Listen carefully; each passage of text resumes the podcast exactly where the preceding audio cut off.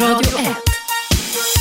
Eva Russ. Varmt välkomna tillbaka till mitt direktsända relationsprogram. Idag så är det så kallad friåkning. Det är ju ett begrepp som vi har här på Radio 1 och det innebär då att jag inte har någon fast agenda annat än att samtalen här just nu ända fram till klockan 12 idag ska beröra, belysa och kanske lösa frågor, frågeställningar som har med relationer, sex och samlevnad att göra. Och numret tror jag du känner till vid det här laget men jag kan repetera det en gång till. Det är som alltid 0200 11 12 13. Det går också bra att mejla till mig, för jag har en dator mitt framför mig här inne i studion och då är mejladressen Eva radio 1 och då är det alltså en etta där, snabel gmail.com. Eh, det handlar alltså om relationer. Jag har ju då blivit utnämnd till att vara relationsexpert för tio år sedan. Jag fick ta över Dr. Phils spalt i min tidning Aftonbladet där du också varje vecka kan läsa mina råd på webben under Vendela. Men just av den anledningen så ska vi börja med en liten ögonöppnare.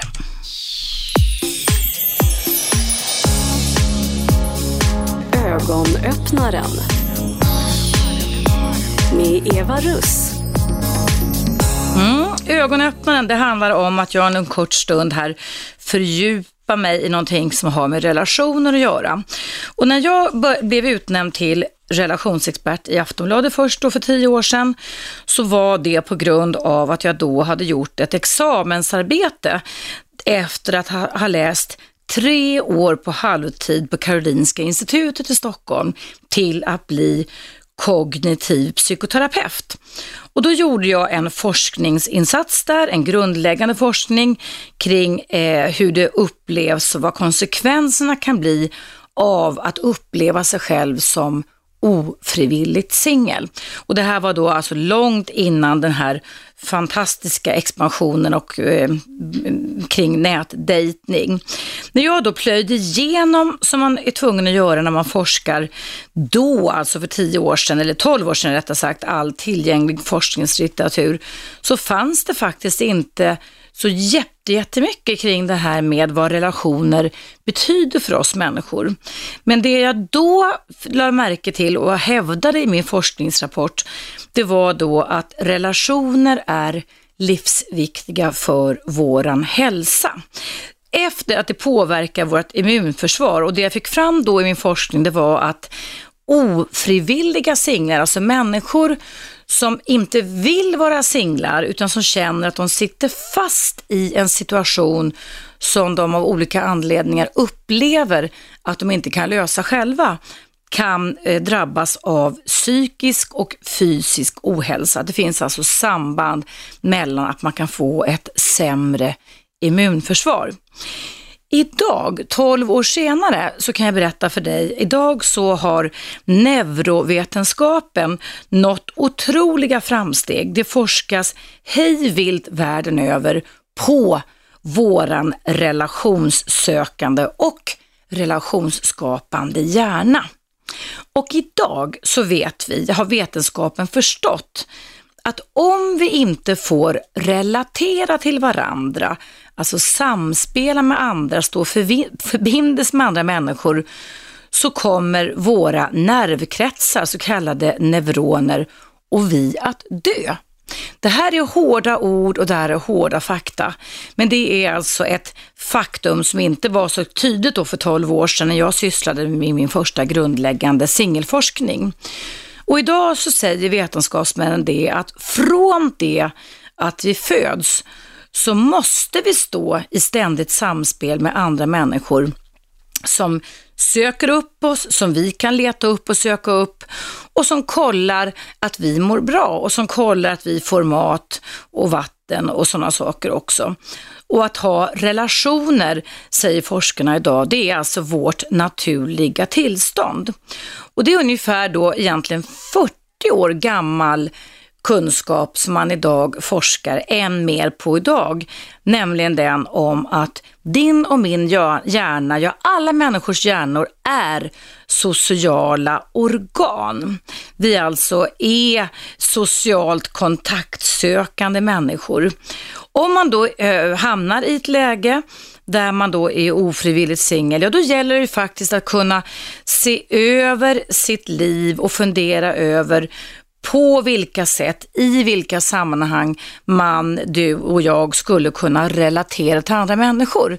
För det behöver ju inte bara vara kärleks, relationer som gör att våra nervkretsar är, eh, fortsätter att hålla sig friska och alerta, utan det handlar ju också om barn, det kan handla om nära vänner, det kan handla om att vara med i en förening, det kan handla om att ha en relation till djur, det kan handla om att ha en relation till Gud. Det finns väldigt massa andra saker som upprätthåller oss, men att våra hjärnor alltså behöver klicka igång oss, att hjärnan är en socialt kontaktsökande organ, det är det viktigaste till.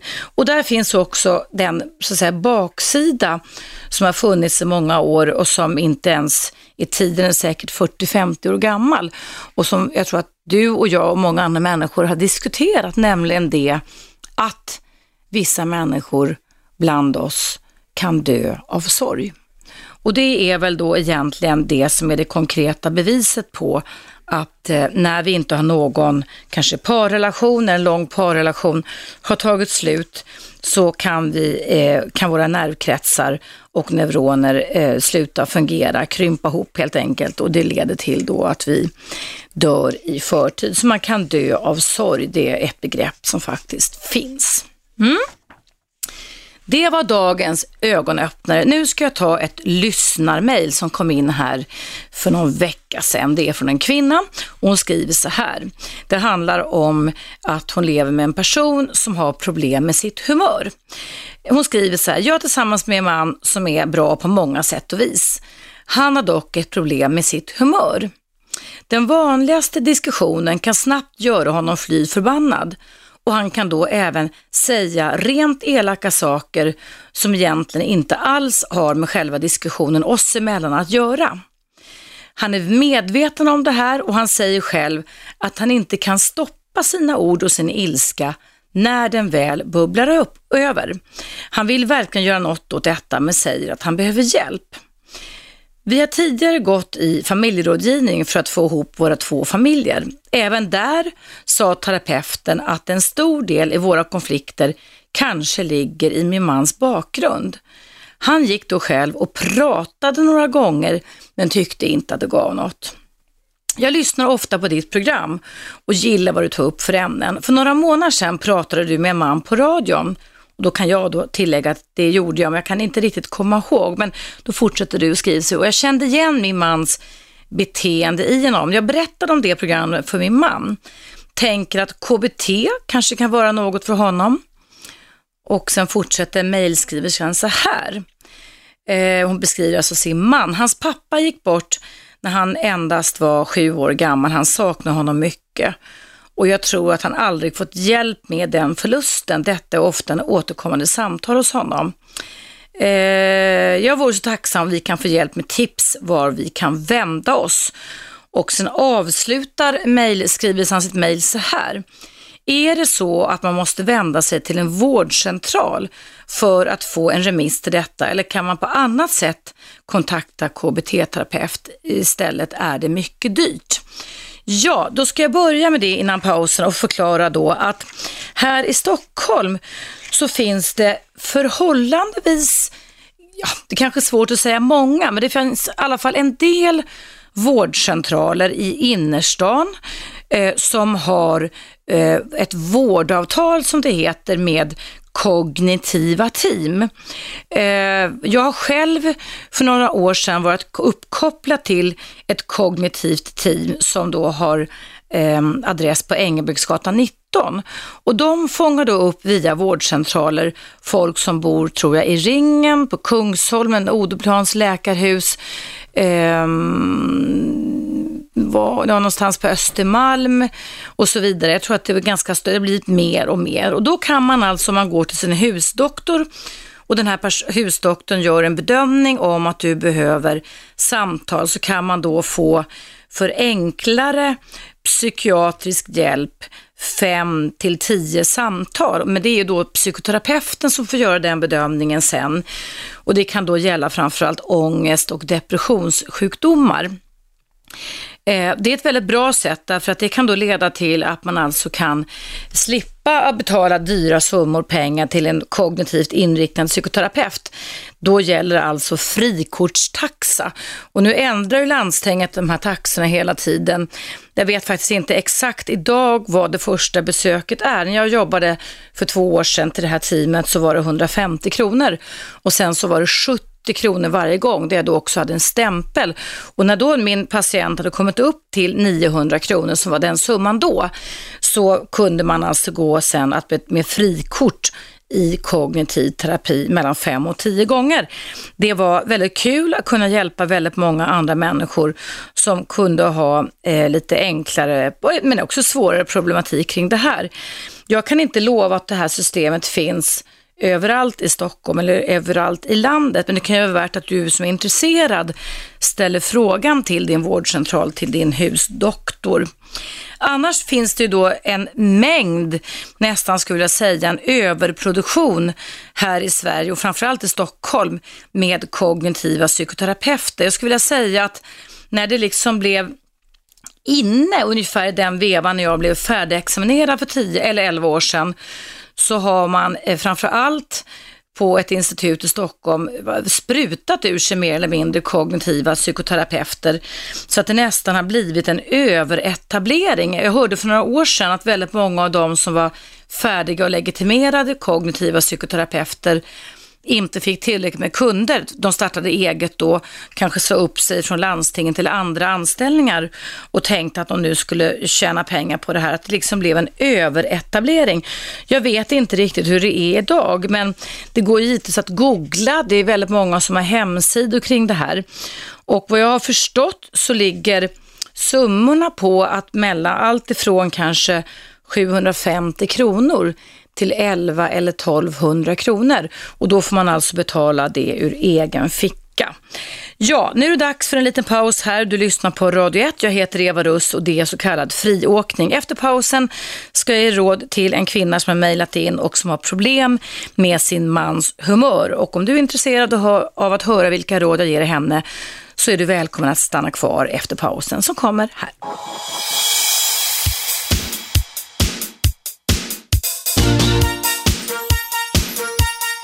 Radio 1.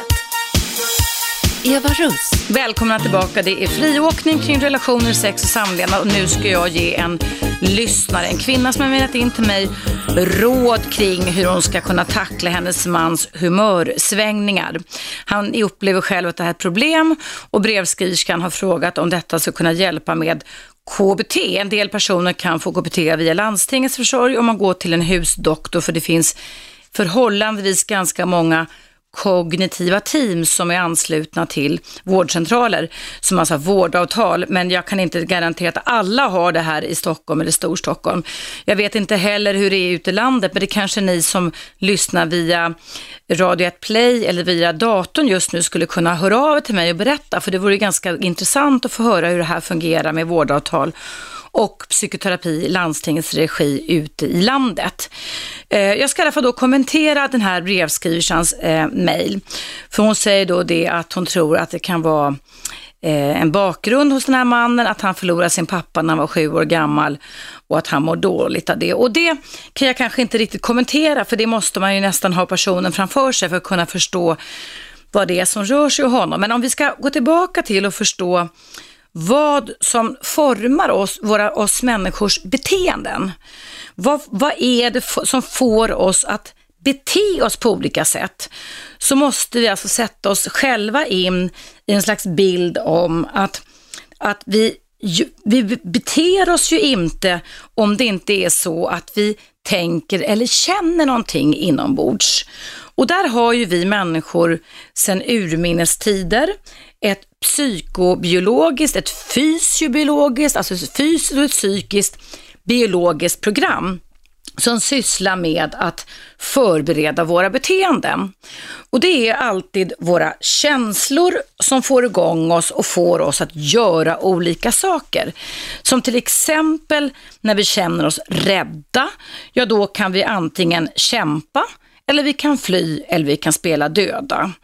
Och när vi får, får olika typer av beteenden som kan leda till, som i den här mejlskriverskans man, att han bubblar över i sitt humör, så är det ju så då att utifrån hans subjektiva erfarenheter, hans subjektiva inre kartotek som man kunna kalla det för, så har han eh, lärt sig att han ska tänka och att han ska reagera på ett visst sätt när någonting utlöses, när någon specifik situation eh, känns hotfull för hans del. Det är ju så för oss människor att vi sen urminnes tider faktiskt omedvetet, det är ju du och jag varenda dag, sysslar med någon form av riskbedömning. Alltså är det farligt, är det inte farligt? Så hur ska jag bete mig i den här situationen? Va? Hur ska jag agera när jag konfronteras med olika typer av situationer? Men sen vi människor fick den moderna hjärnan, det nya systemet installerat som innehåller väldigt mycket förmåga till mentala föreställningar, vi kan alltså tänka bilder, så kan det också vara så att vi också kan tänka i bilder, vi kan skapa oss bilder som känns hotfulla och som upplevs hotfulla, men som kanske inte alltid är hotfulla i verkligheten.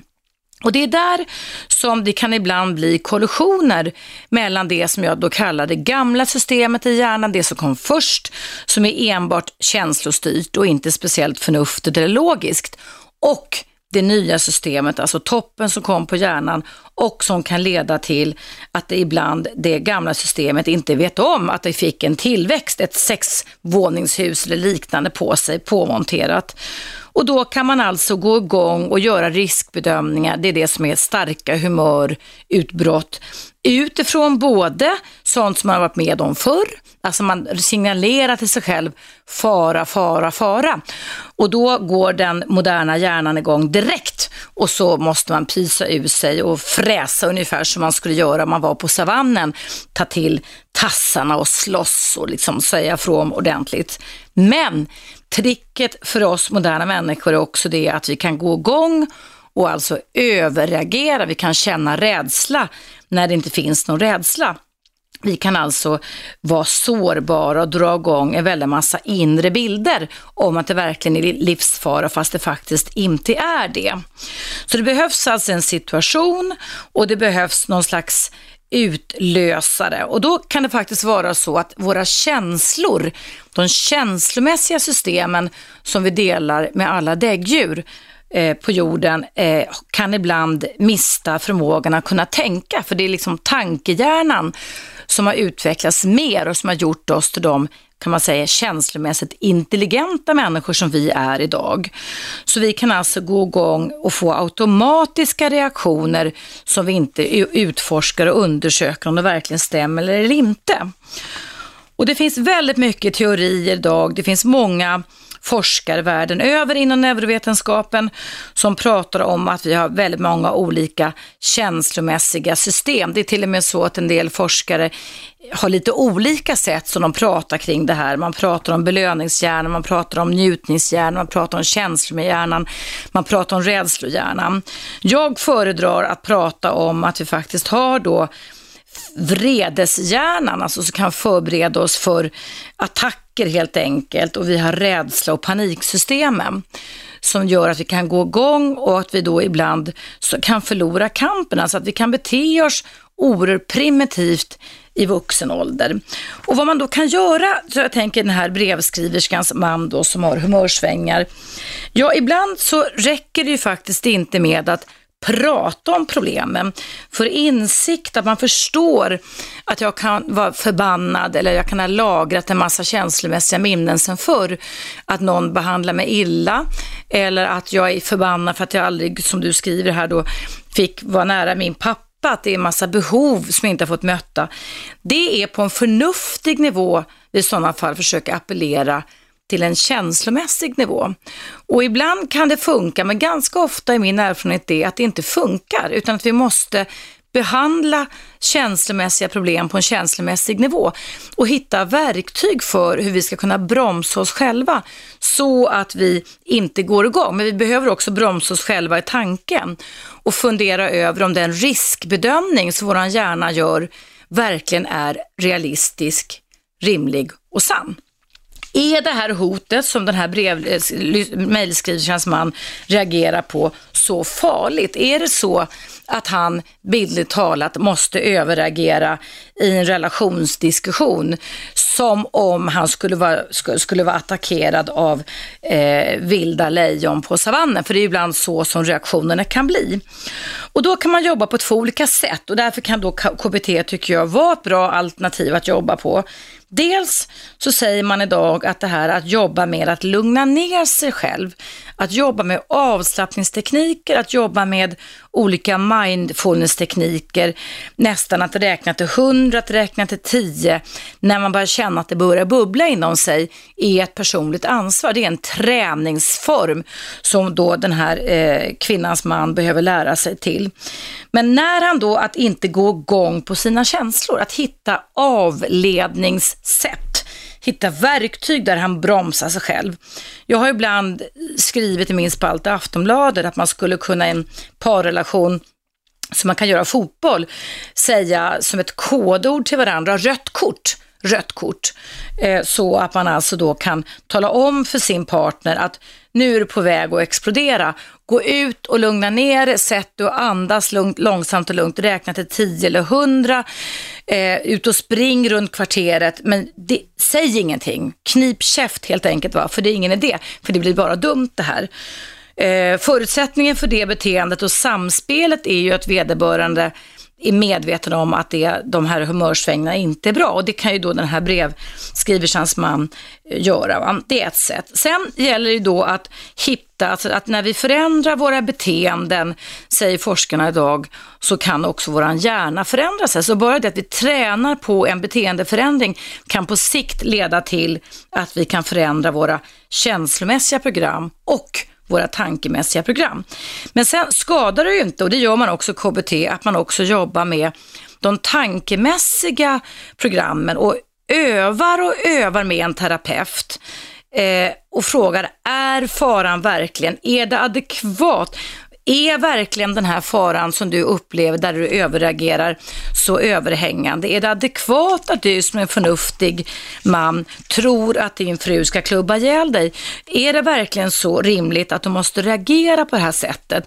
Kan du se på det här problemet på ett annat sätt? Och det är det man gör i KBT. Man tränar sig på att ompröva olika typer av situationer som har inträffat, som kan inträffa och som kommer att inträffa.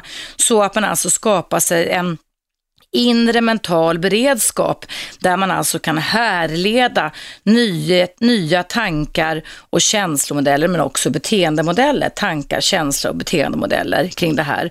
Och det handlar kort och gott om att öva, öva, öva. Övning ger färdighet och det är det man gör i KBT. Man kan börja med beteendena så att man kan få en liten förändring i tankar och känslor.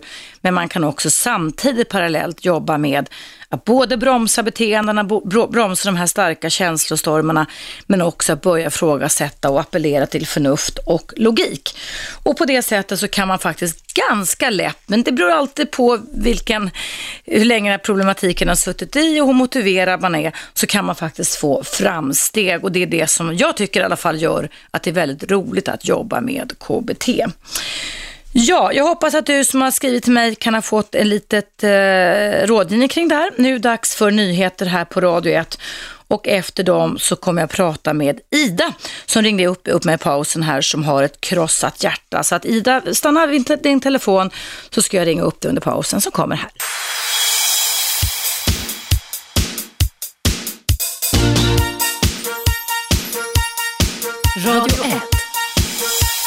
Eva Russ. God förmiddag. Idag är det friåkning kring relationer, sex och samlevnad och jag ska nu prata med Ida. Hallå Ida.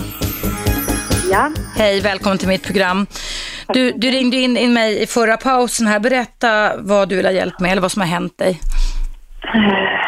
Det är lite svårt att få korta ner det. Jag ska försöka vara så... Du behöver inte korta ner det. Vi har, alltid, vi har alltid i världen att prata du och jag. Vi kan prata ända fram till klockan 12 om du behöver det.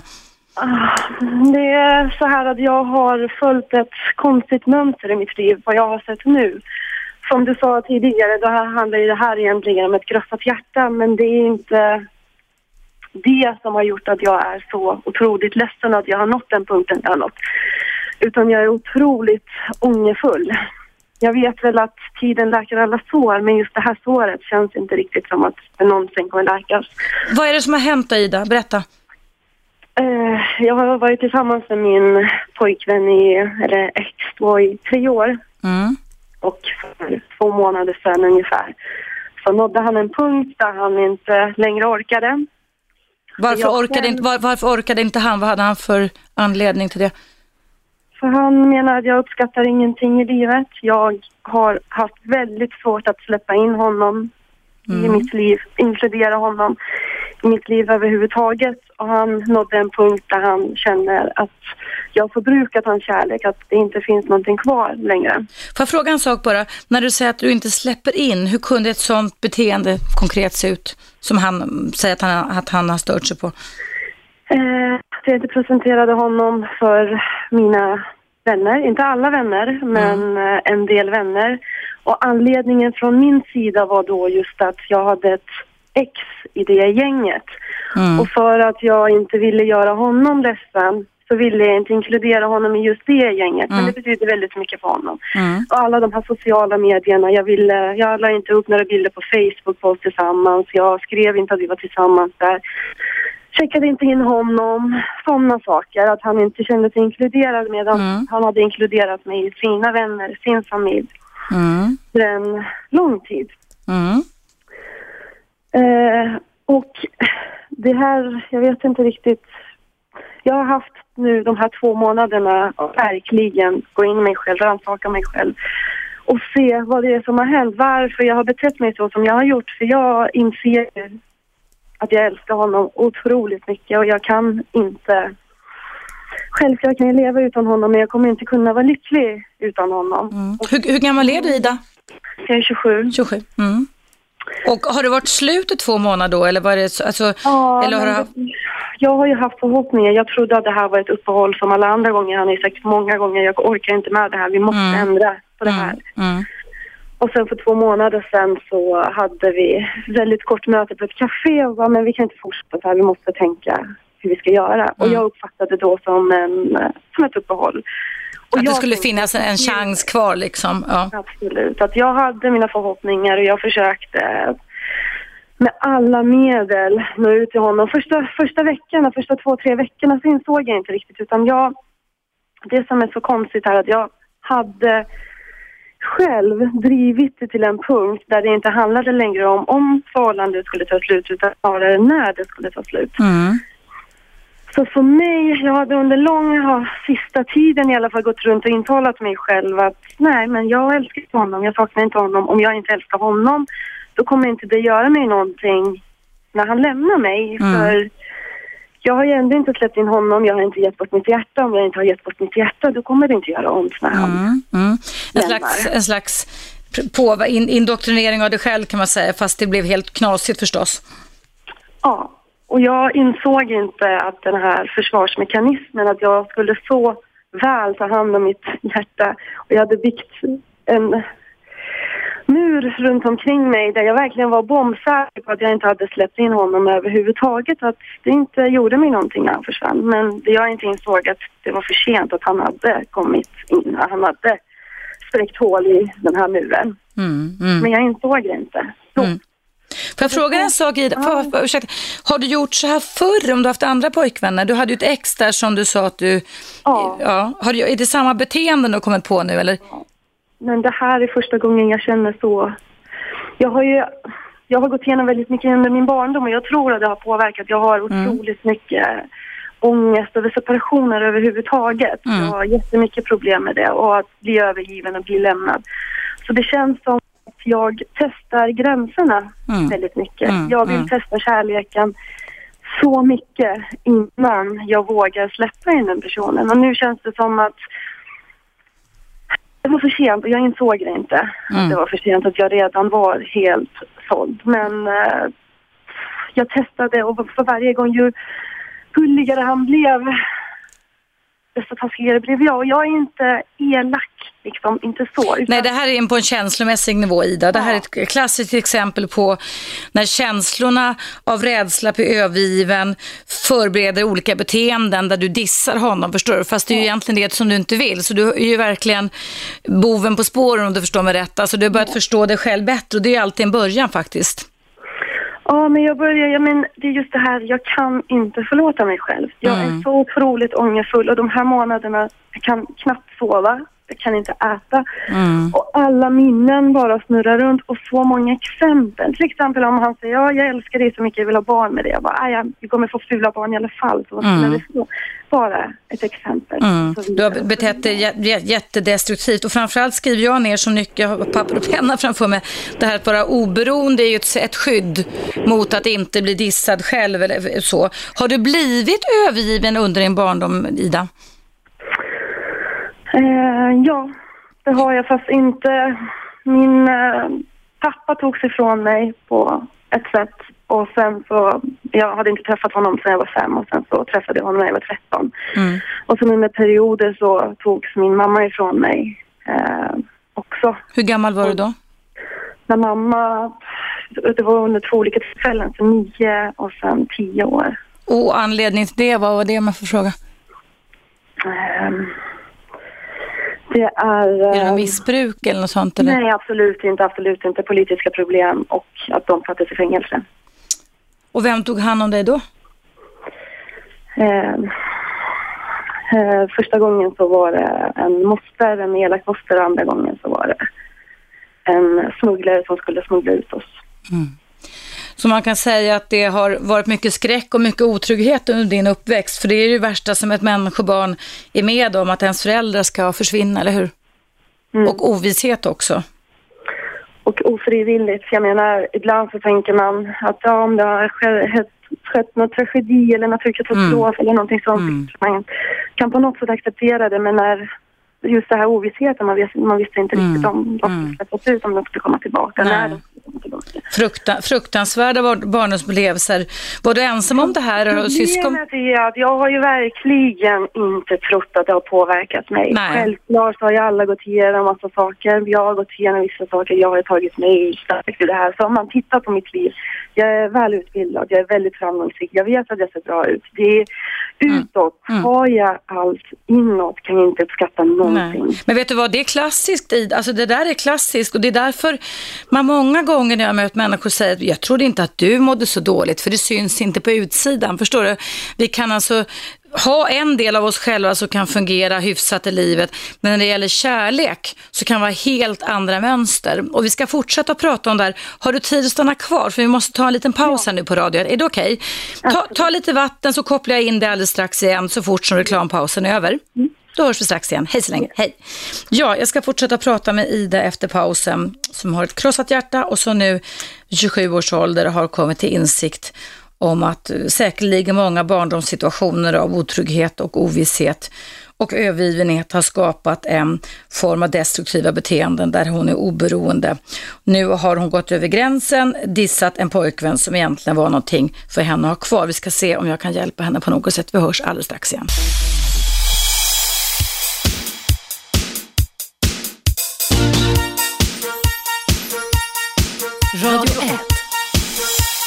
Eva Russ. Idag är det friåkning i mitt relationsprogram och jag ska fortsätta prata med Ida som har ett krossat hjärta och som har förstått att även om man på utsidan kan funka bra och vara framgångsrik i sitt yrke och liv så behöver inte det rimma med att man får sina relationer att funka. Eller hur Ida? Nej, precis. Du, ehm, ehm, det är ju så, har du någon gång sökt hjälp, psykoterapeutisk hjälp för de här problemen du känner? Ja, faktiskt förra året eller för två år sedan så gick jag till eh, en just KBT-terapeut men eh, jag kände då att ett och två per gång då kunde jag lika gärna åka på en sista minuten-resa. Va- Varför det? Vad fick du för hjälp då eller icke hjälp då? då? För jag har alla förutsättningar att kunna vara lycklig men jag är aldrig nöjd med någonting för jag kände att jag behöver Sa hon så? Sa den personen så?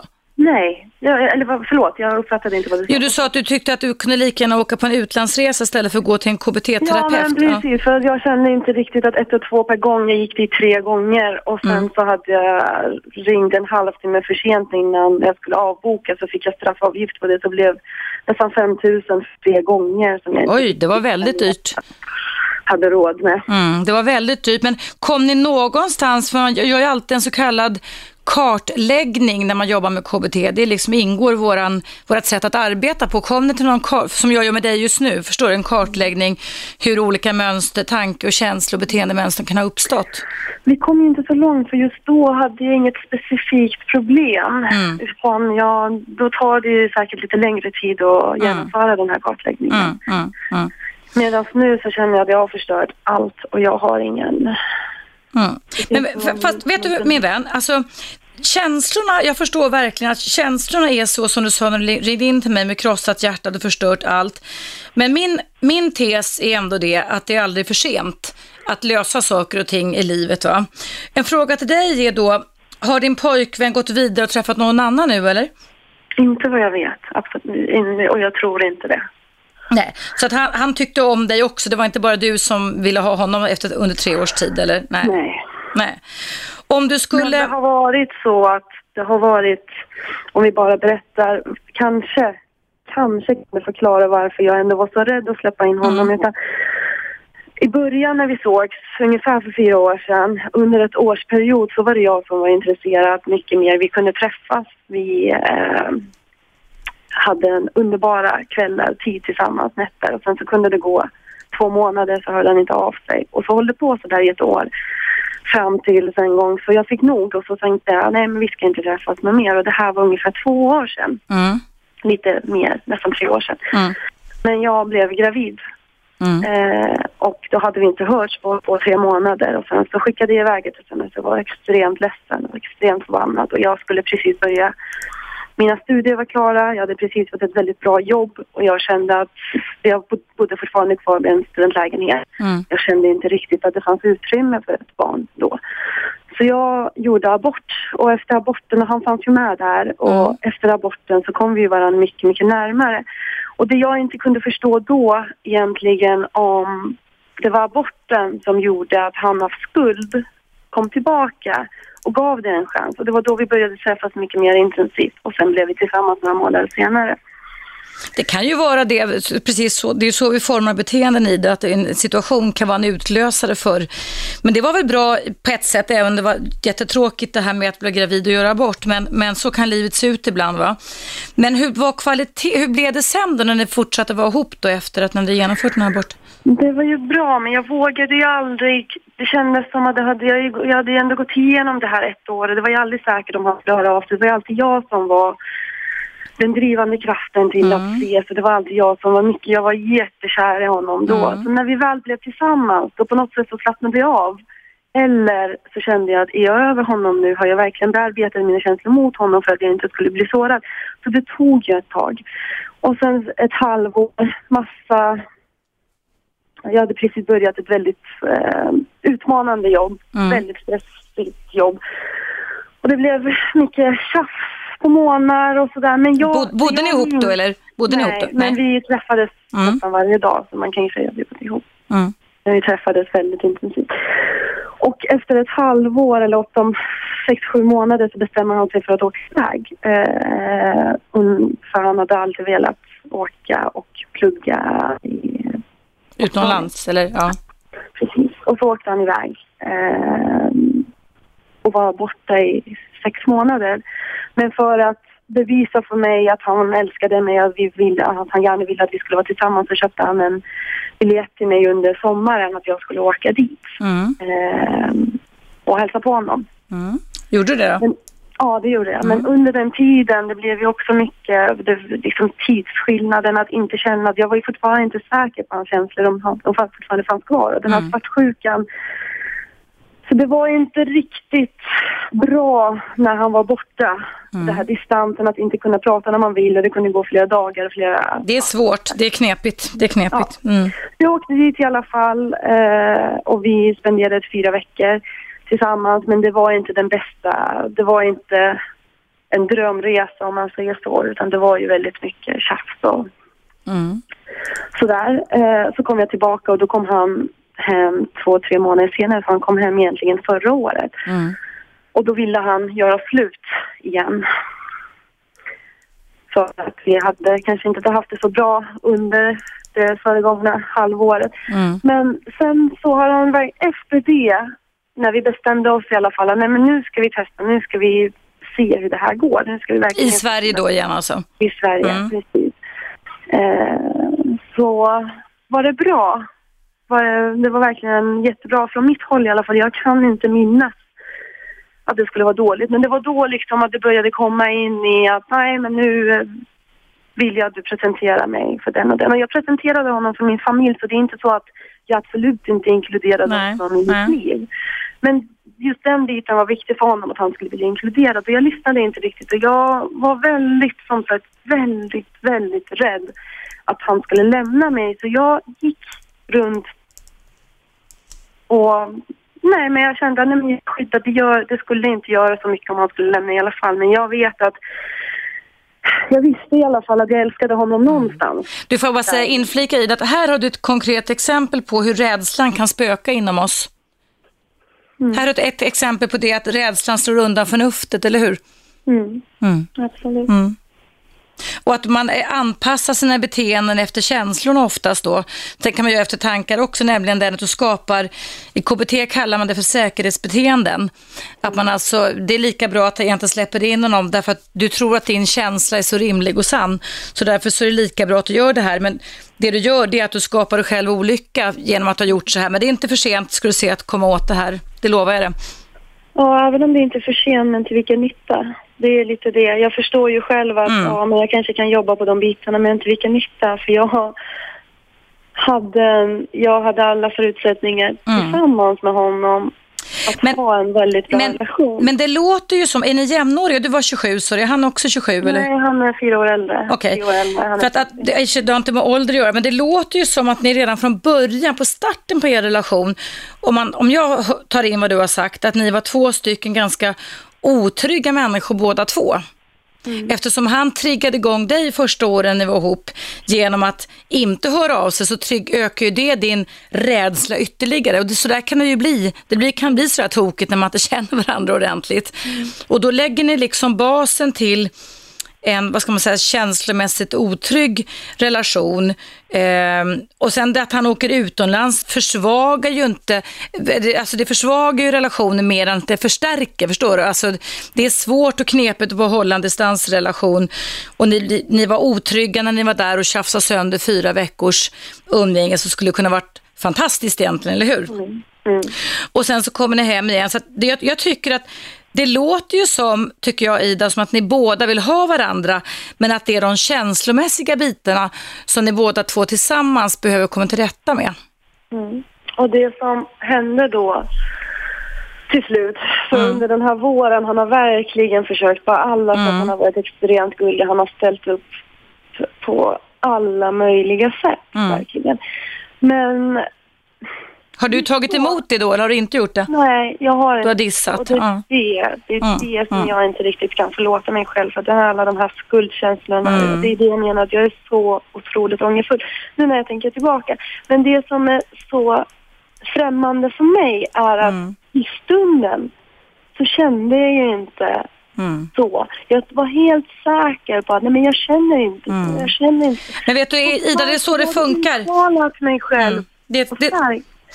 Det är så det funkar, att det, det, känslorna blir för dig rimliga och sanna och då slås ditt förnuft ut. Därför att du har tränat det på snabb analys här nu av din barndom och uppväxt, att det, det här att känna sig rädd och övergiven och förbereda sig för flykt är viktigare än någonting annat. Det här är bara automatiska känsloprogram som har triggats igång och därför så har du trott på att det du känner stämmer. Mm. Och jag Men- har så många exempel nu Mm. under sommaren. Jag reser väldigt mycket med Mm, mitt jobb. Och under sommaren, jag 20, 30, 40, 50 gånger om dagen så tänkte jag på honom. Men jag Ja. tänkte på, kolla jag tänker inte på honom. Ja, tänker jag ja, inte på ja, honom betyder ja. att jag inte saknar honom. Ja, Saknar inte ja. honom älskar Du inte honom. försöker Jag övertyga, vägrar övertyga dig själv, det är inte så viktigt. sms Mm. Men du, du vänta, nu har ju du nu har det tagit slut, och stå, men står ni i någon kontakt med varandra överhuvudtaget, du och din pojkvän? Och med denna då, för två månader sedan, så när han bestämde det så klippte han alla band. Han tog bort mig från Facebook. Han svarade på mina sms. Mm. Inga samtal, ingenting. Så det har varit väldigt dött under två månader. Mm. Och jag har skickat, och jag har ju haft tid att verkligen gå in i mig själv. Mm. Och I det här separationsångest är jag ledsen för att jag har haft honom så länge. Det känns bokstavligt talat som en amputerad kroppsdel. Mm. Jag vaknar på morgonen letar, eller på, på nätterna och letar efter honom och allt det där. Så Mm. jag har verkligen tänkt, är det separation? Saknar jag honom? Eller är det här känsla för att jag verkligen älskar honom? Mm. Jag har utnyttjat de här fyra veckorna. Jag har gråtit, jag har mått skit och verkligen tänkt, vad, är det, vad var det som gick snett? Och det är därför jag har kommit fram till det här att jag tror ändå att min barndom, trots att jag inte har velat inse Mm. att det har kunnat ha några effekter på mig överhuvudtaget, eller det har satt sina Mm. spår, så har det kanske satt sina spår, även om jag verkligen... jag- Allting som har med skräck och rädsla för att inte överleva när man är barn sätter sina spår i det. Allt, allting lagras i hjärnans minnesbank, hippocampus heter den. Den är som en gammal lada som lagrar. Och den aktiverar en snabb spår, som jag kunna säga, till riskbedömare. Vi har två stycken små mandelformade kärnor som heter amygdala, som är larmdetektorer kan man säga. Förstår jag? Alltså, ad, ad, ad, sådana här vak- vakter nästan så att säga, som drar igång oss och leder till detta. Men du, har du tid att stanna kvar en liten stund till så ska jag försöka coacha dig vidare här kring vad du kan göra, okej? Ta lite vatten, ta en kopp kaffe, ta en liten paus. Vi har ungefär tre minuters paus Ida, så kopplar jag in dig alldeles strax igen. Okej. Vi hörs strax igen. Hej, hej. Ja, kära lyssnare, du lyssnar på mig, Eva Rust, i direktsänt relationsprogram. Jag ska fortsätta och coacha Ida som har ringt in här självmant och frivilligt och som har ett krossat hjärta som har insett nu, eh, börjar förstå sina mönster och det är faktiskt bra Ida och du som känner igen det, hennes problematik. Någon vacker dag måste vi förstå hur vi fungerar. Det är faktiskt början till ett nytt liv. Vill du höra min fortsatta coaching av Ida så är du välkommen att stanna kvar. Radio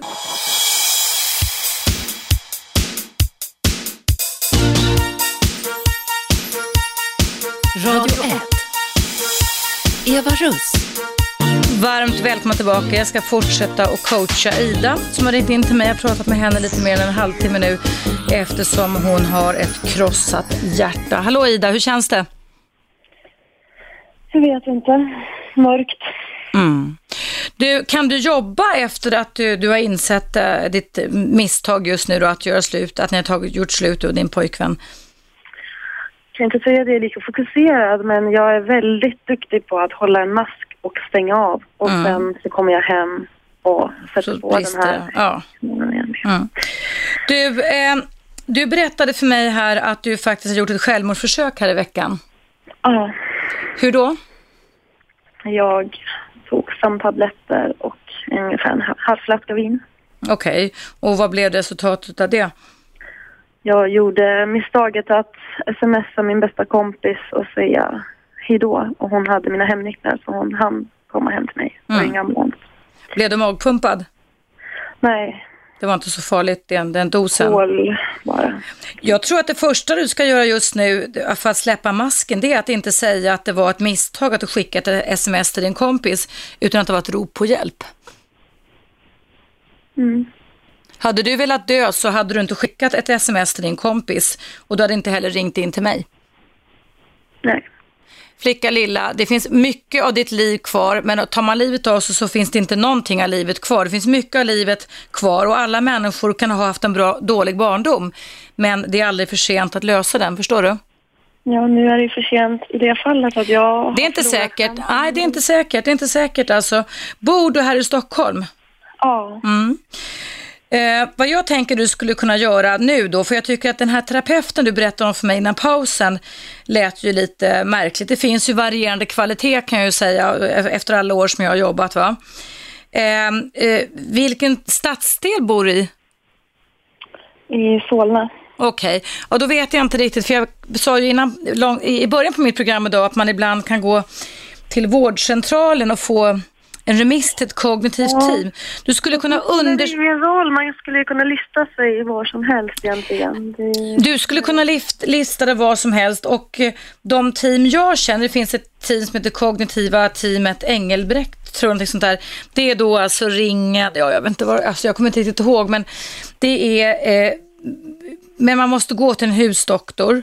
Eh, ringen, Östermalm, eh, Fältöversten, jag tror det i alla fall. Jag, jag kommer inte ihåg allihopa det, alltså faktiskt just nu. Va? Jag ska faktiskt till en husläkare som Mm. är på Östermalm på fredag. Bra. Då, då säger du så här att du har pratat med mig och att jag, säger, att, jag, att jag säger att du ska säga att du vill ha en remiss till, ett, till eh, KBT-behandling, att det är livsnödvändigt just nu, att du är farligt nära att begå ännu fler dumheter och att det är högsta prioritet att du får hjälp.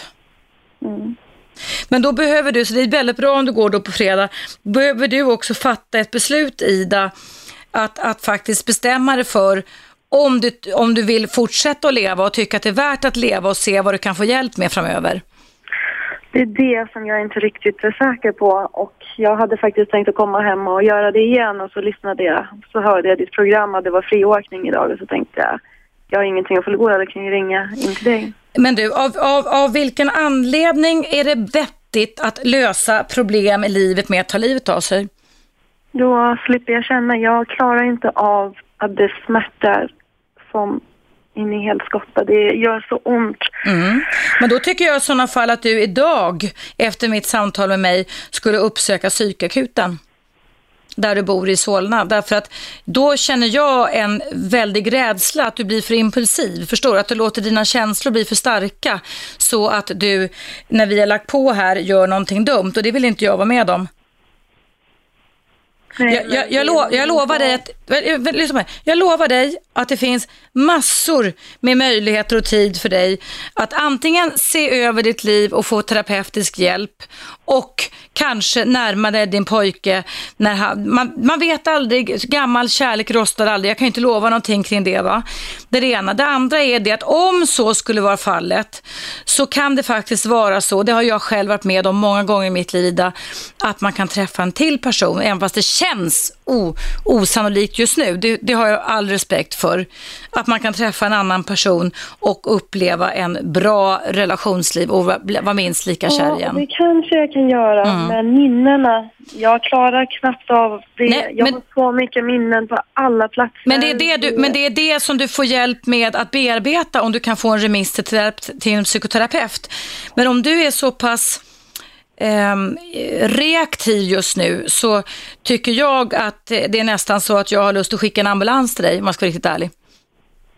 Nej, det är ingen fara. Ja, fast du säger ju till mig att du har övervägt att ta livet av dig en gång till och jag känner mig jättebrydd när jag sitter här i direktsändning med dig hur jag ska agera just nu, förstår du? För jag vill inte sitta och höra att en ung flicka som är 27 år, du har tagit igenom otroligt mycket här i livet och just nu så är det dina känslor som gör att det här hela blir så obehagligt. Men då finns det hjälp att få och då tycker inte jag att du ska skjuta upp det till på fredag, utan då tycker jag att du ska skjuta och åka iväg nu. Du ringer hemifrån eller? Ja, Ja, då tycker jag att du ska ta och åka till Sankt Görans psykakut. De är oftast jätteduktiga där, jättevarma och empatiska och säga att du har pratat med mig och säga att du vill ha akut hjälp just nu. Får jag bara berätta hur och varför jag tog det beslutet? För jag har ju ändå gått igenom de här tankarna i två månader. Om det finns tid i programmet, jag vet inte. Vi har tid i programmet, ja. Eh, hur som helst hade han ju brutit all kontakt med mig under de här Mm. veckorna. Och jag skickade till slut ett sms och sa att vi måste träffas face to face för jag uppfattade inte som att det var slut utan jag uppfattade det som att det här var ett uppehåll att jag skulle tänka. Vi, vi pratar nu om under hösten Ida, alltså, det som har hänt nu. Ja, Ja. precis. Så vi bestämde att vi skulle ses då i onsdags. Mm. Och jag hade bord och jag hade skrivit på så många olika brev och jag har filat på de olika breven. Och till slut dagen innan så ångrade jag mig. Jag hade skrivit ett brev som kommit på 40 egenskaper varför jag älskar honom och Mm. på vilket sätt jag ska konstruktivt göra annorlunda den här gången. Mm. Och det var 20 olika sätt vad jag kommer göra annorlunda. Men eh, det brevet gav jag ju aldrig utan jag skrev på ett nytt brev där jag egentligen berättade om hur det känns och hur det kommer sig att det är annorlunda den här gången. Och det är det som jag berättade för dig, att jag har gått in i mig själv och rannsakat mig själv. Mm. Det blev ett brutalt uppvaknande från mm. mitt håll att det kan ju faktiskt bero på att jag har varit den här, fortfarande den här lilla rädda flickan som inte vågat mm. släppa in honom. Mm. Och där har du gjort en bra, bra analys av dig själv tycker. Det är bra jobbat Ida. Tack. Mm. Eh, men det jag inte insåg då att varje gång han har försökt kasta över sitt hjärta här, ta det, jag älskar dig, ta mitt hjärta, jag kommer inte ta emot det utan jag mm. kastade ner det och trampade på det. För jag, mm. om jag inte ger bort mitt hjärta så känns det inte rättvist att ta emot någon annans heller. Men det jag inte insåg att det var för sent, den här muren som jag byggt runt mig själv, när han försvann så raserade i den och den fanns inte kvar och nu finns ett stort vidöppet hål med all plats i världen för honom. Mm. Och jag förklarade, jag gav det inte i brev utan jag förklarade det för honom. Jag hade skrivit ett litet manus mm. så att jag inte skulle glömma bort någonting. Mm. Och så tittade han på mig och sa tror du att det känns lättare för mig nu när du berättar det här? Då blir jag ju bara förbannad. Mm. Sårad och jag blir förbannad att du har kommit och de här är jag förstår inte att du tycker att det här är någonting nytt utan det här är ingenting nytt för mig. Det här har jag ju försökt säga till dig så länge. Att varför mår du så dåligt? Varför kan du inte uppskatta någonting? Om det är någon materiell du letar efter, kolla på vad du det, har. Det var så din före detta pojkvän sa ja. till dig då när ni träffades? Ja. ja. ja. men det här är ju liksom inga... Mm. Och, vad upplev, och, vad, och, och, och, kände du dig dissad då eller? Jag blev ännu mer krossad. Mm. Så för mig var ju den här insikten väldigt nytt. Viktig, ja. aldrig ja. tänkt så. Jag hade ju gått runt och intalat mig själv att jag inte älskade honom. Mm. Och det kändes ju verkligt då. Mm. Men du får fråga en sak.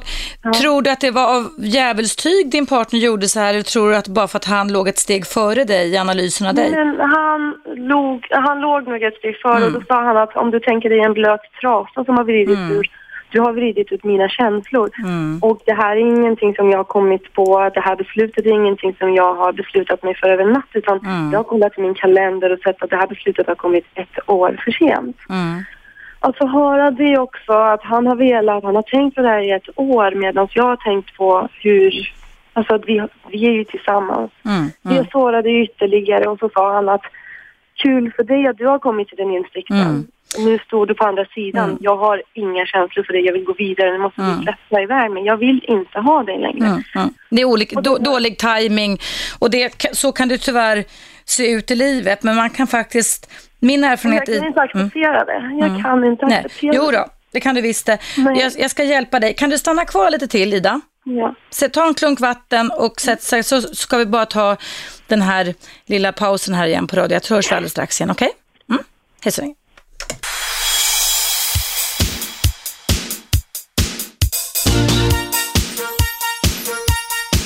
Radio 1. Eva Russ. Varmt välkommen tillbaka och eh, Ida och jag ska alldeles strax fortsätta prata med varandra igen. Hallå Ida, är du kvar? Ja, ja. Hej.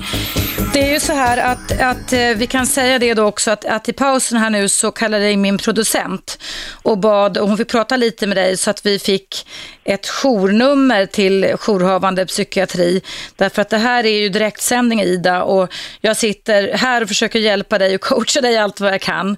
Men jag vill inte vara med om att du när vi har lagt på luren överväger ens tanken på att ta livet av dig som du har sagt. Mm. Men ingen fara, jag är en väldigt ansvarsfull person och jag ska jobba i eftermiddag så det, jag kommer klara Men varför säger du så då? För jag hade någon lucka här några timmar. Men varför säger du så? Alltså jag tänker, du sa att du försökte ta livet av dig med halv flaska vin och sömntabletter för några dagar sedan, men att du ändå skickat sms, sa du innan pausen. Då sa jag det att då tror jag det är ändå ett tecken på att du vill ha hjälp och du ringer in till mig, vilket jag är glad för ska du veta. Mm. Därför att det är ett sätt att kunna få en hjälp kring det. Och vad jag sa innan pausen Ida, det var det att känslor kan komma och känslor kan gå. I en relation, när en relation har tagit slut och man sitter och säger som din för detta pojken sa till dig, jag känner ingenting för dig längre, jag har gått vidare, så kan det stämma. Men det kan också inte stämma. Därför att han har stängt av sina känslor för att han är besviken och frustrerad. Mm. Men man kan sätta på känslor. Känslor dör inte om du förstår mig rätt. Va? Man mm. kan sätta på känslor, man kan sätta av känslor.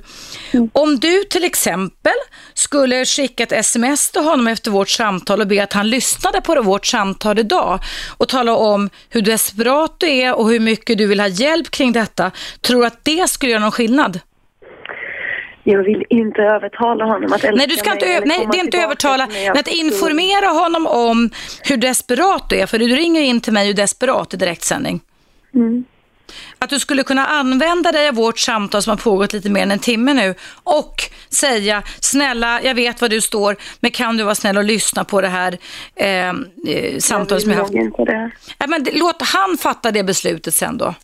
Men vad du, du, du vill ju ändå känna att du kan göra vad du kan just nu för att kanske på ett sätt förstå dig själv bättre men också få honom att förstå dig bättre. Ja, fast jag vill nog inte att han ska se och veta hur desperat jag är. Just det här att... Fast då, fast då kommer du tillbaka till det som är ditt livsmönster min vän. Nämligen den att du ska hålla masken hela tiden och inte säga som det.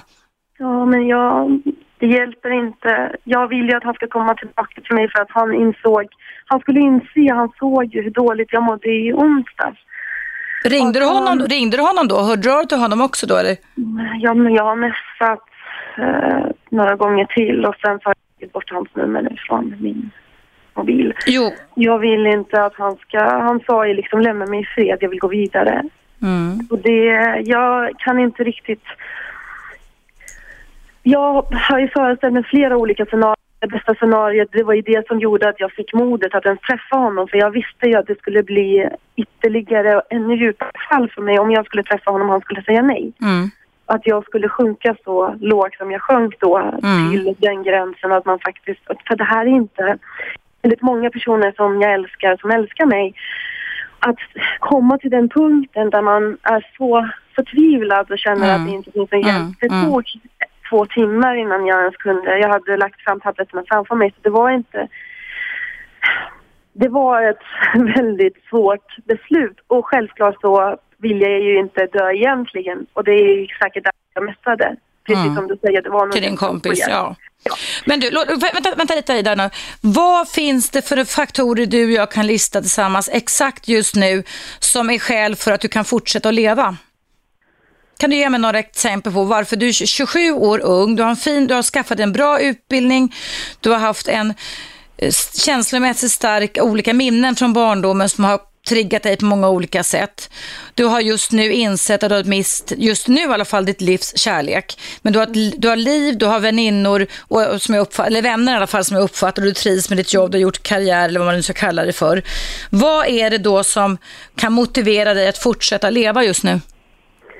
Det, fan, det är ett litet, och det är verkligen det enda som håller mig uppe och det är det enda som gör att jag tänker lite mindre egoistiskt. Jag har en liten systerdotter som är sex år som ringde till mig igår och ville att jag skulle komma hem och då ville hon inte gå på middagen för att hennes moster inte var där för hon tycker okay. inte att det är så kul utan henne. Systerdottern sex år, bra. Finns det fler saker som gör ditt liv värt att leva? Min mamma och mina vänner. Mm. Hur många vänner har du då? Jag har faktiskt, jag är väldigt välsignad. Jag har en väldigt nära vän och så har jag fem väldigt goda nära vänner. Men det är okay. en sån mm. väldigt... Då är vi uppe i en, två, tre, sex, sju, åtta personer. Dina syskon då?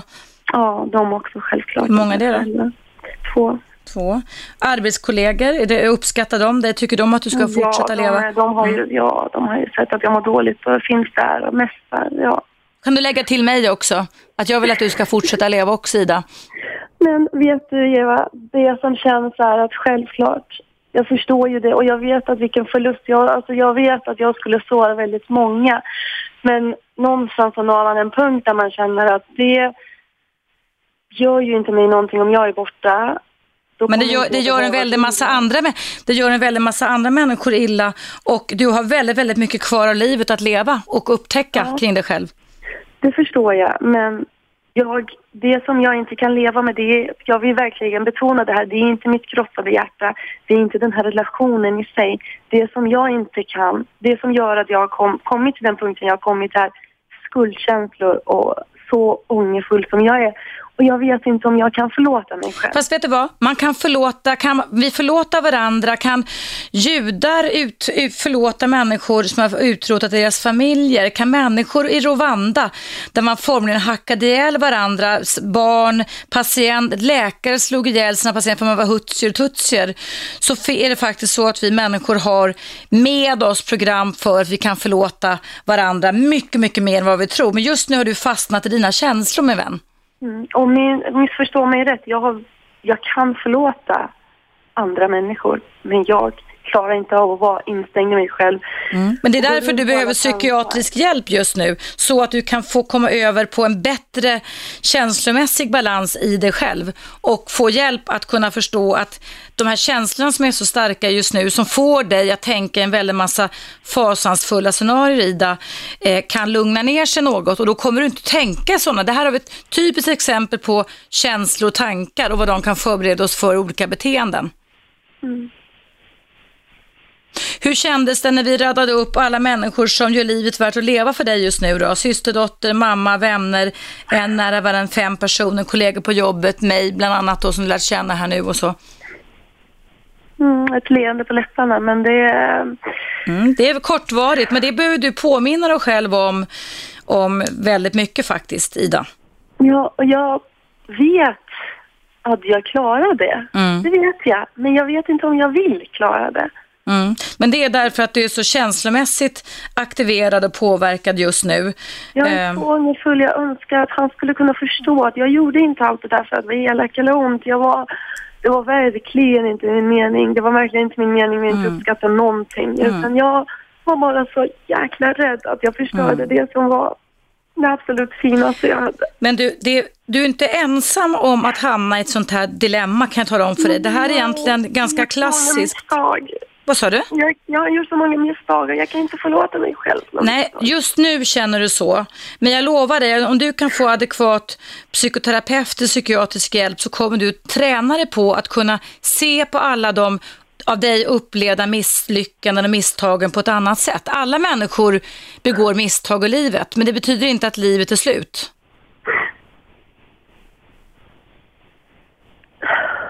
Känns som det.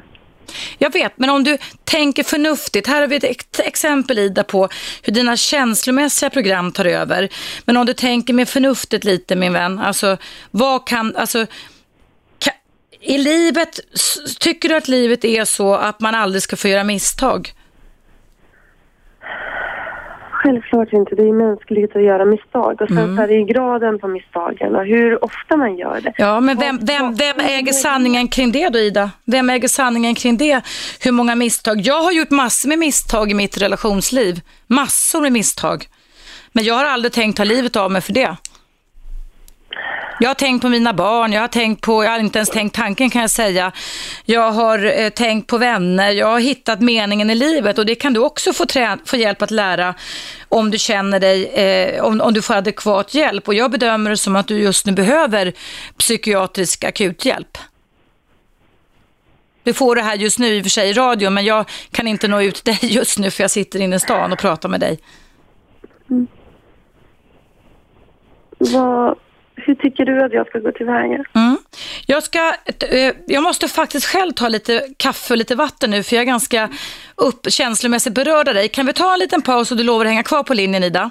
Ja. Bra. Ta lite vatten du med. Så, det ska nämligen komma nyheter och väder här nu så mm. ska jag fundera på hur jag ska hjälpa dig eller vad, vad jag tycker du ska göra okej okay? efter pausen. Så lägg inte på. Nej. Toppen, då hörs vi strax igen.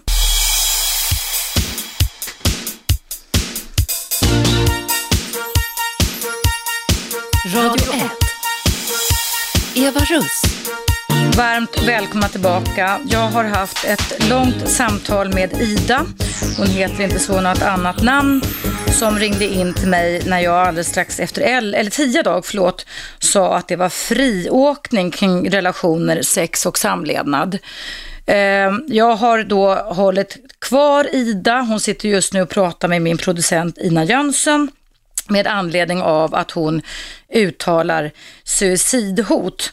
Och det här kan jag säga är eh, svår, en svår station för mig att hantera just nu.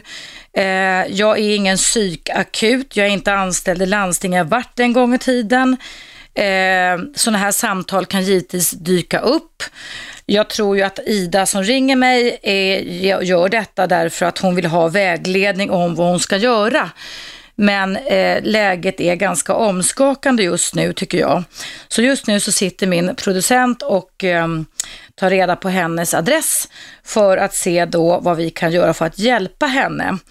Ehm, jag tycker att det är bra att det ringer in eh, människor med eh, akuta problem. Däremot så måste jag verkligen säga det då att ringa in till mig här på Radio 1 det är inte likställbart med att det är en psykakut. Samtidigt så kan det på ett sätt vara viktigt att vi kan förstå hur människor kan få resonera och hur man kan bli i princip känslomässigt kidnappad av att man har haft en eh, dålig barndom och att man har upplevt att man har slagit huvudet blodigt i sitt relationsliv och inte fått det att funka. Och det som Ida har beskrivit här under det här långa samtalet med mig här idag, det är ju då att man kan ha olika typer av scheman. Alltså man kan ha ett sätt där man kan fungera eh, känslomässigt ganska bra. Man kan vara i balans i livet.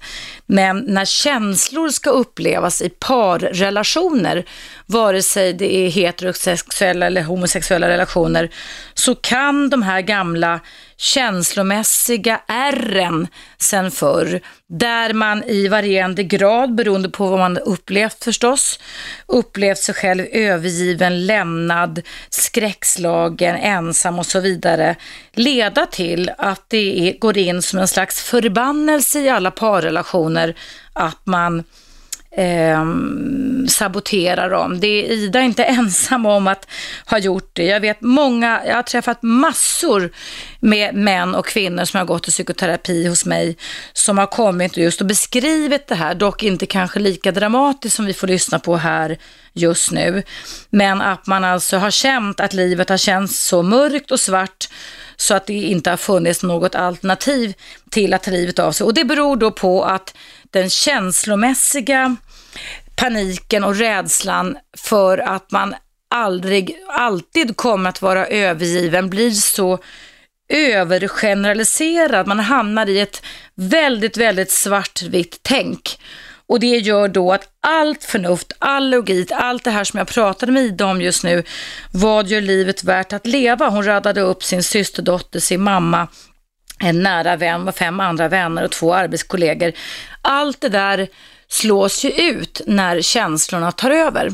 Och det här är då ett exempel ur verkliga livet på hur knepigt det är för oss människor ibland med våra eh, vad ska man säga, hjärnmässiga tillstånd att Å ena sidan så kan vi vara hur förnuftiga som helst, å andra sidan så kan eh, den reptilhjärnan, eh, limbiska systemet koka över och då slås i princip som i Idas fall just nu all förmåga till konsekvenstänk, all förmåga till att tänka rationellt, all förmåga till att tänka logiskt, det slås helt och hållet ut och man blir helt och hållet enbart känslostyrd.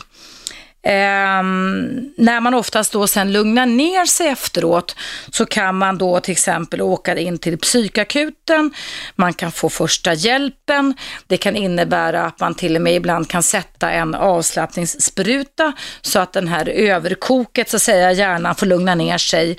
Och när man sen får hjälp, oftast då psykoterapeutisk hjälp, så kan många, många människor som liksom Ida halkar in på tankar till att det är ingen idé att leva längre, faktiskt då när man lugnar ner sig eh, får mer tillgång till förnuftshjärnan och kan då eh, träna upp den så att man inte tillåter sig själv att koka över på det här sättet. För då slås ju allt förnuft ut och det är bara känslorna som gäller. Och när känslor kokar över så kan man i princip bli galen. Man, man, kan verkligen känna att man håller på att svämma över. Och det kan man säga kan vara en otroligt stark cocktail, inre cocktail av, av depression, alltså vrede, ilska mot sig själv, riktad mot sig själv, rädsla och panik. Så jag skulle säga att jag tror att det är det som Ida upplever just nu. En ilska mot sig själv över att hon har kommit till insikt om att hon har varit så dum mot att hon inte har förstått hur hon själv fungerat. Och det är ju väldigt mycket självanklagelse. Men jag kan säga det då att det är inte så lätt att göra analys analyser på sig själv. Det är bland det svåraste som finns. Och jag tycker att det låter som, så som Ida beskrivit för mig, att hon har träffat en charlatan till psykoterapeut som har tagit hutlöst betalt, alltså 5 000 kronor för tre gånger. Det tar inte ens jag, alltså när jag jobbar privat. Det finns ingen anledning att någon ska sitta och slå en på pengar på det sättet. Ehm, då är det bättre att man vänder sig till landstingets regi och får hjälp där. Ja, det här är ett väldigt dramatiskt telefonsamtal som vi har fått in här och just nu så sitter då alltså min producent Ina Jönsson och pratar med Ida eftersom vi nu får försöka hjälpa henne på något sätt ifrån då Radio 1 som absolut inte är någon akut psykiatrisk öppenvårdsmottagning. Men som sagt var, nu har det hänt att Ida har ringt in och jag känner ett ansvar att vi måste på något vis vägleda henne in i vården på något bra sätt. Ja, jag är faktiskt ganska tagen av det här samtalet måste jag säga. Ehm, ja, jag tycker att vi tar en liten paus. Eh, det är en liten stund kvar. Jag ska gå ut och höra hur det går i det här samtalet. Om du vill säga någonting just nu så kan du ju ringa in numret är 0211 12 13 och du lyssnar på Eva Russ i ett direktsänt relationsprogram på Radio 1.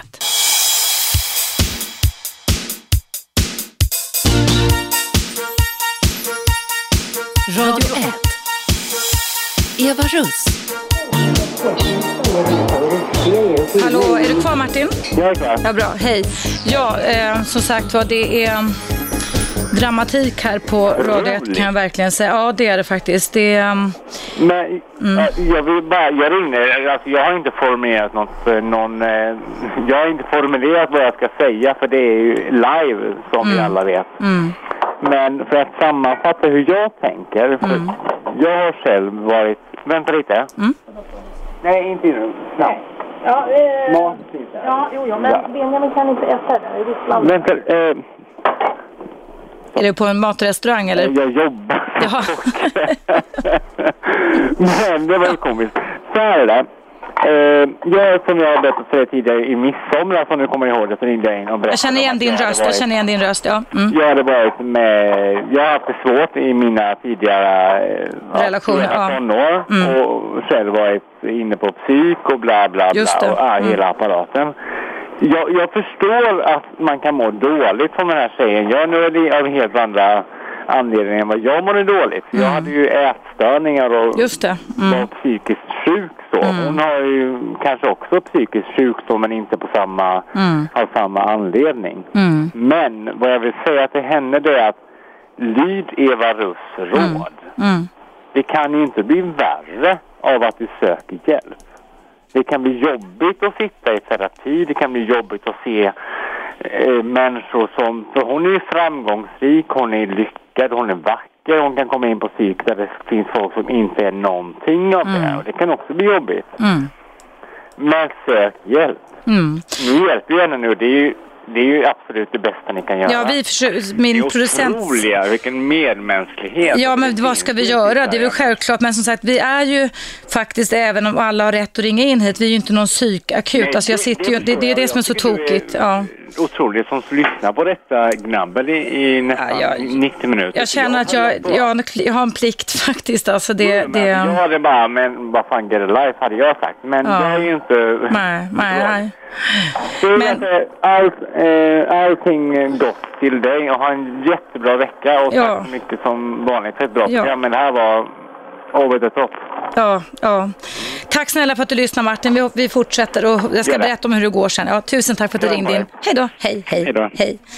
Ja, kära lyssnare, det är ju så då att det är friåkning kring relationer, sex och samlevnad och där har jag då här inledningsvis idag fått ett, ett larmsamtal ifrån Ida som upplever att hennes krossade hjärta är så smärtsamt så att eh, pojkvännen som hon har levt med till och från i två, tre år, det har varit en krånglig relation, att det inte är någon idé att leva längre. Och då vill, sitter just nu min producent som jag tycker att vi har ett ansvar när vi sitter och får in sådana här samtal, men vi är inte någon akutmottagning samtidigt som det lyfter fingret på att visa hur det, står ut, hur det står till ute i psykvården, att folk faktiskt inte får hjälp när man väl behöver. Vi ska se vem som ringer in här nu. Hallå, vem är där? Ja, hejsan, det är Kronfjäll här. Jag Ja, kommer hej. Döblin som var med i ett program tidigare. Ja, jag känner igen din röst. Jag skulle, Mm. jag skulle vilja ha kopia på fredagens kvällens eh, program. Då gäller hyror och hur man stör och... Ja, då är det nog fel programledare du ringer på, för jag har inte pratat om sådana saker. Jag pratar om relationer här i mitt program. Så Jaha. du får kolla, eh, no- du får kolla. Ni vänta ett ögonblick. Mm. Kan telefonen? Jag måste tänka. Ja, hör. Så, nu ska vi se. Hallå, vem är där?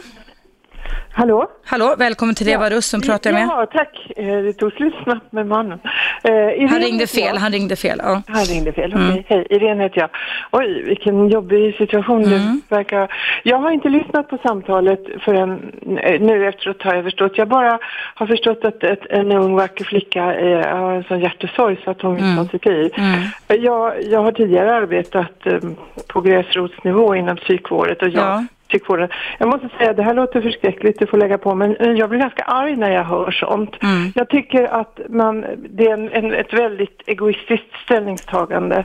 Därför att ens eget liv, som jag ser det, är inte bara ens eget. Mm. Utan hon är alltså beredd att förstöra livet för all framtid. För Mm. hon måste ju rimligen ha föräldrar, vänner, kanske syskon. Hon hade det, hon hade, vi räddade upp här och jag försökte få henne att liksom skifta spår lite och börja fokusera på vad som finns som är värdefullt för henne. Då hade hon ganska mycket vänner, mamma, systerdotter och kollegor och sånt va? Mm. Ja.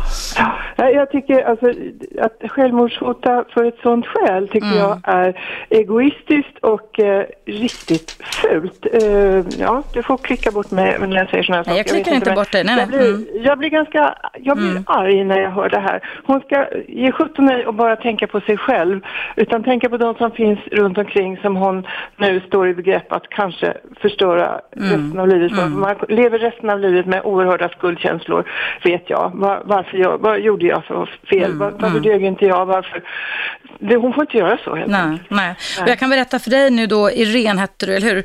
Att min Ja. producent kom in här nu, hon har suttit här i telefon med den här flickan, så att nu är faktiskt ett psykteam på väg hem till henne, där hon bor. just, just. Och det, det, det, ja, det här har vi aldrig sysslat med förr här på Radio 1, men vi, vi är ju tvungna Åh, vi är ju tvungna att hjälpa till på det här Ja, sättet ja. tycker jag. Det, um, ja. Du, det, det, du sitter i en position där du riskerar att hamna i sånt här naturligtvis. Det kan inte vara lätt. Ja, jag. men vi det- får väl säga till då att hädanefter när det är friåkning att vi, vi är inte, liksom, även om jag uppskattar att Ida verkligen ringde in, vi kanske kan rädda hennes liv och hennes hälsa här nu, men att den, den där typen av aku, akuta problem kan inte jag som sitter på eh, en radiostation hjälpa till med. Nu har vi gjort vad vi kan faktiskt, lotsat henne, vi har tagit reda på var hon bor och skickat ett, ett akut psykteam dit. Så jag hoppas verkligen att det här går att lösa, eller hur? Det tror jag att det gör. Det känns så. Mm. Och du, tack för att du ringde in och tack för att du lyssnade på oss, Irene. Ja, tack själv. Eh. Hej då. Hej, hej. Ja, vi ska se vem som finns på tråden. Hallå, vem är där? Ja, hejsan, det är Kronfjäll. Ja, fast du ringde, du ringde inte fel person. Nej, du ringde inte fel person. Jag är faktiskt just nu ganska omtumlad och ehm, agiterad. Ehm, det här var väldigt dramatiskt.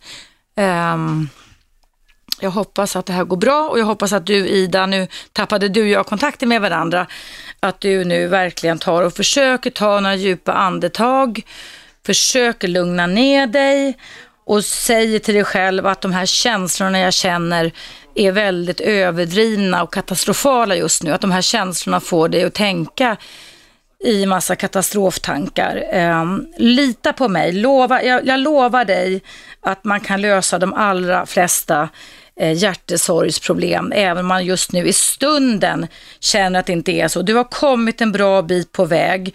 Du har börjat analysera det, Ida, på ett jättebra sätt, precis som den här terapeuten du gick till som inte kunde hjälpa dig borde ha gjort tycker jag. Du har hittat ditt livsmönster, du har hittat dina sätt att hantera svåra situationer på. Och det är egentligen ofta så det kan vara, att när man upptäcker sina eh, konstiga sätt att, att tänka och känna och bete sig på, då kan man nästan bli lite rädd för sig själv. Men det betyder inte att man ska fortsätta vara rädd för sig själv. Utan det handlar faktiskt om att man ska kunna få hjälp ut, att ta sig ut ur de starka känslomässiga looperna. Och nu är alltså då ett psykteam på väg hem till dig Ina. Och eh, kanske du och jag kan ha kontakt om ett tag igen. Men det första tycker jag är nu första hjälpen som du ska få. Det är man att vi ordnar det här hos dig. Nu ska vi se vilka som ringer här. Hallå, vilka är där? Hallå? Ja, det är mitt namn. Nej, nu ringer du fel igen. Hallå, vem är där? Ja, hejsan, det här var Amanda. Hej Amanda, välkommen. Tack. Jag vill bara... Jag blev väldigt ledsen och irriterad på den här kvinnan som ringde tidigare. Om... Eh, Irene, eller Ida? ja, Irene. Irene.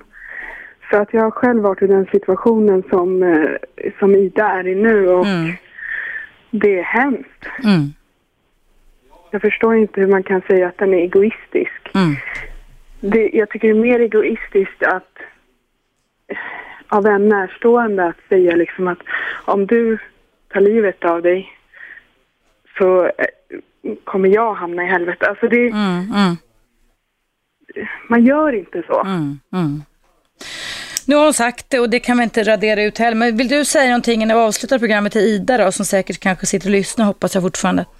Ja, alltså det var flera år sedan som jag eh, mådde så dåligt. Jag mår fortfarande dåligt ibland, men det låter hemskt, men det är bara att bita ihop och det, det kommer att bli bättre. Speciellt för henne tror jag som har så många närstående som, som hjälper henne Mm. förhoppningsvis. Mm. Så att eh, jag Har du också övervägt att ta livet av hjärtesorg, kärlekssorg? Absolut, det har hänt flera gånger faktiskt. Mm. Och jag har legat inne på psyk i en vecka. Har du slutat var- att tänka sådana tankar nu då? Nej, Inte?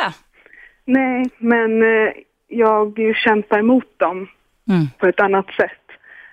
Och eh, Du kan hejda dina tankar och känslor i alla fall idag. Ja, och jag försöker, jag går till läkare och jag får Mm. läkemedel och Mm. så, men det, är- det är jobbigt. Mm. Men, ja, man är inte ensam om det liksom. Mm. Mm. Eller, Mm. det är, Har du inte Många- fått någon bra terapeutisk hjälp då eller? Nej, jag hade också någon, eh, om jag får säga idiot, som jag kom till en gång och hon sa bara att allting är ditt fel och Oj, oj, oj. Oj, oj, oj. Nej, men alltså, man blir ju förbannad när man hör det här. Det finns många bra där ute och det finns många dåliga skulle jag säga. Alltså det... Usch, usch, Ja, usch. men jag ska faktiskt ringa för jag, jag får antidepressiva nu. Ja, Citalopram, du- du- eller, Citalopram eller Cipralex eller? precis. Ja. Nej, Citalopram. Okej, Ja, vilken, vilken dos har du? 20 milligram eller? Jag hade 20 men för någon månad sedan så höjde de till 30 då. Vad bra. Men då sa han att om, om du ska få fortsätta med 30 så måste du gå till en psykoterapeut. Men det är bra. Ta, ta emot den hjälpen, Ja, det är ju jättebra, eller hur? Absolut, absolut. Ja. jag får prova nu och hoppas att det blir någon bättre ja. den här gången. Ja, hörru du. Nej, men som sagt var, sköt om dig så länge, gå till en terapeut, höj gärna dosen och vi får be en bön att eh, Ida kan lugna ner sig och att det här psykteamet som Radio 1 har skickat iväg nu når fram i tid. Mm. Absolut. Nu, nu ska vi sluta, jag är ganska slutkörd måste jag säga. Tack för att du lyssnar och tack för att du ringde in också. Tack. Tack själv. Kram på dig. Hej då. Hej. Hej. Hej. Ja, kära lyssnare, det är dags att sätta punkt för Radio 1. Det var, ja, det var väldigt mycket dramatik i det här programmet idag. Eh, vill du lyssna på det igen så går det ikväll klockan 19.00 och via appen. Eller via, eh, eh, via, jag kan knappt prata, via nätet går det att lyssna på det här programmet igen. Nu tar vi en liten paus och jag är på återhörande imorgon igen klockan 10.00. 101,9 Radio 1. Sveriges nya pratradio.